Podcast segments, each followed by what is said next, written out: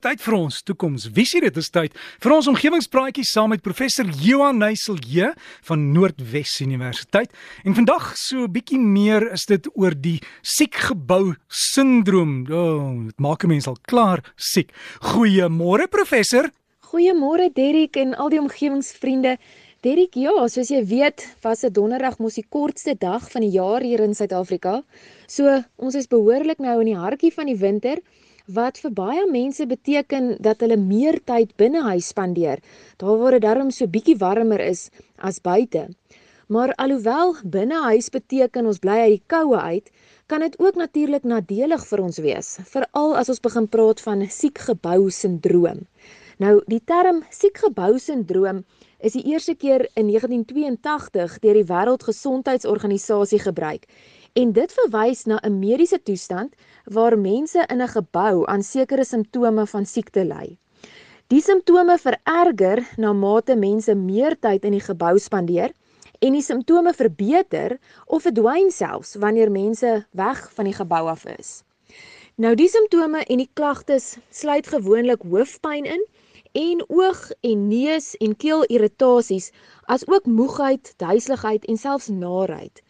Nou oor die algemeen word hierdie simptome veroorsaak deur die binnehuise lugkwaliteit.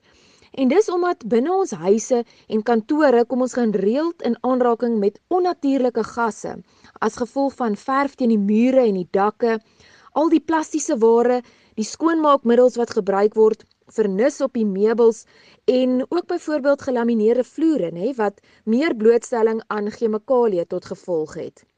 So ek het gaan aanklop by die chemiese lugkwaliteitsspesialis hier by die Noordwes Universiteit, professor Kobus Pinaar, wat verduidelik dat binnehuise lugkwaliteit ook beïnvloed word deur sekere dinge soos onder andere verwarming, swak ventilasie en lugversorgingsstelsels wat dan die simptome van hierdie siekgebou sindroom vererger.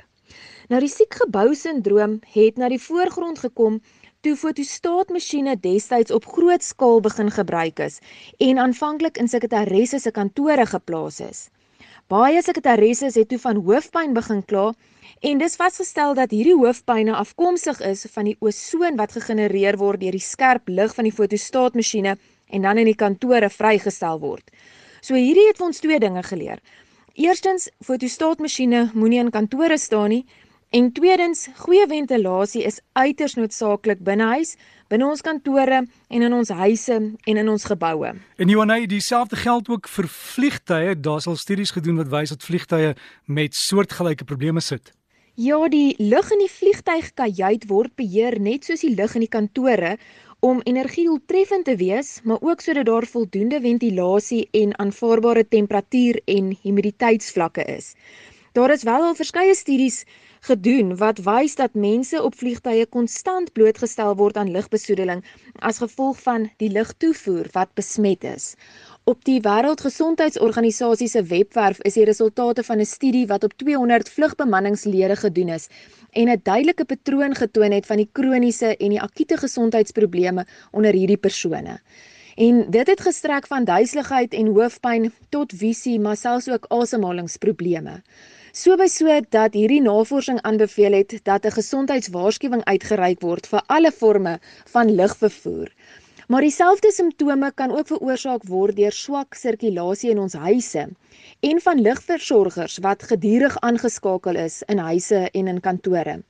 Die Wêreldgesondheidsorganisasie se data toon 'n toename in hoofpyn, moegheid en swak konsentrasie as gevolg van verhoogde hersirkulasie van lug deur lugversorgers in geboue wat lei tot die toename in ongewenste chemiese stowwe in ons lug. En wat kan ons doen om die siekgebou sindroom dan aan te spreek? Derek, die kort antwoord is ons moet meer natuurlike vars lug in ons wonings en ons kantoorruimtes inlaat en die besoedelstowwe vermy. Maar volgens ons Chinese vriende lê die antwoord op die siekgebou sindroom in lugreinigers. Nou hulle het gesien dat die gebruik van lugreinigers binne binneshuise areas die lugkwaliteit met tot 82% kan verbeter en dit kan lei tot korttermyn afname in die streshormoonvlakke. Na 'n tydperk van 24 uur het hulle gesien dat die lugkwaliteit tot binne die Wêreldgesondheidsorganisasie se veilige norm geval het. So die lugreinigers verbeter definitief die binnehuise lugkwaliteit. Dit filter die lug wat ingeblaas word, maar meer belangrik, dit help dat vye lug uit die gebou uit geblaas word. Maar ons kan ook natuurlik poog om items wat chemikalieë afgee te probeer verminder of liefs vermy. Eerder ekovriendelike skoonmaakmiddels te kies vir wanneer ons die huis of die kantoor skoonmaak en dalk weer eerder die vensters oopmaak in plaas van die lugversorger aanskakel. Maar Derek verseker ook meer tyd buite spandeer. Al is dit kort periodes deur die dag. Dit kan regtig baie voordelig vir die individu wees. Suid-Afrika verloor ongeveer 19 miljard rand per jaar aan siekteverlof wat toegestaan word. En navorsing aan die Universiteit van Florida het vir ons bewys dat daar 'n beduidende verband is tussen kontak met die natuur en stresvlakke, as ook kontak met die natuur en algemene gesondheid. So die resultate wys dat wanneer mense gedurende die werksdag kontak met die natuur het, hulle stres en hulle algemene gesondheidsklagtes afneem. So Derek as 'n groen gedagte, gaan durf maar die koue winters lug aan, want weer eens is dit bewys dat die natuur en ons omgewing ons beste oplossing is en bly.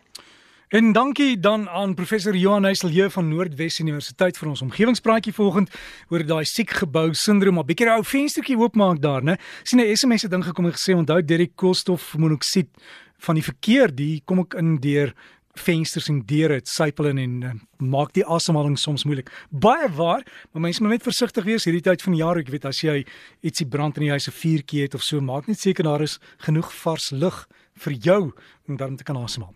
As jy wil kontak maak, hulle het 'n Facebook bladsy omgewingspraatjies, die meervoud daar is van toepassing omgewingspraatjies en dan ook as jy wil e-pos omgewingspraatjies by gmail.com. So omgewingspraatjies by gmail.com.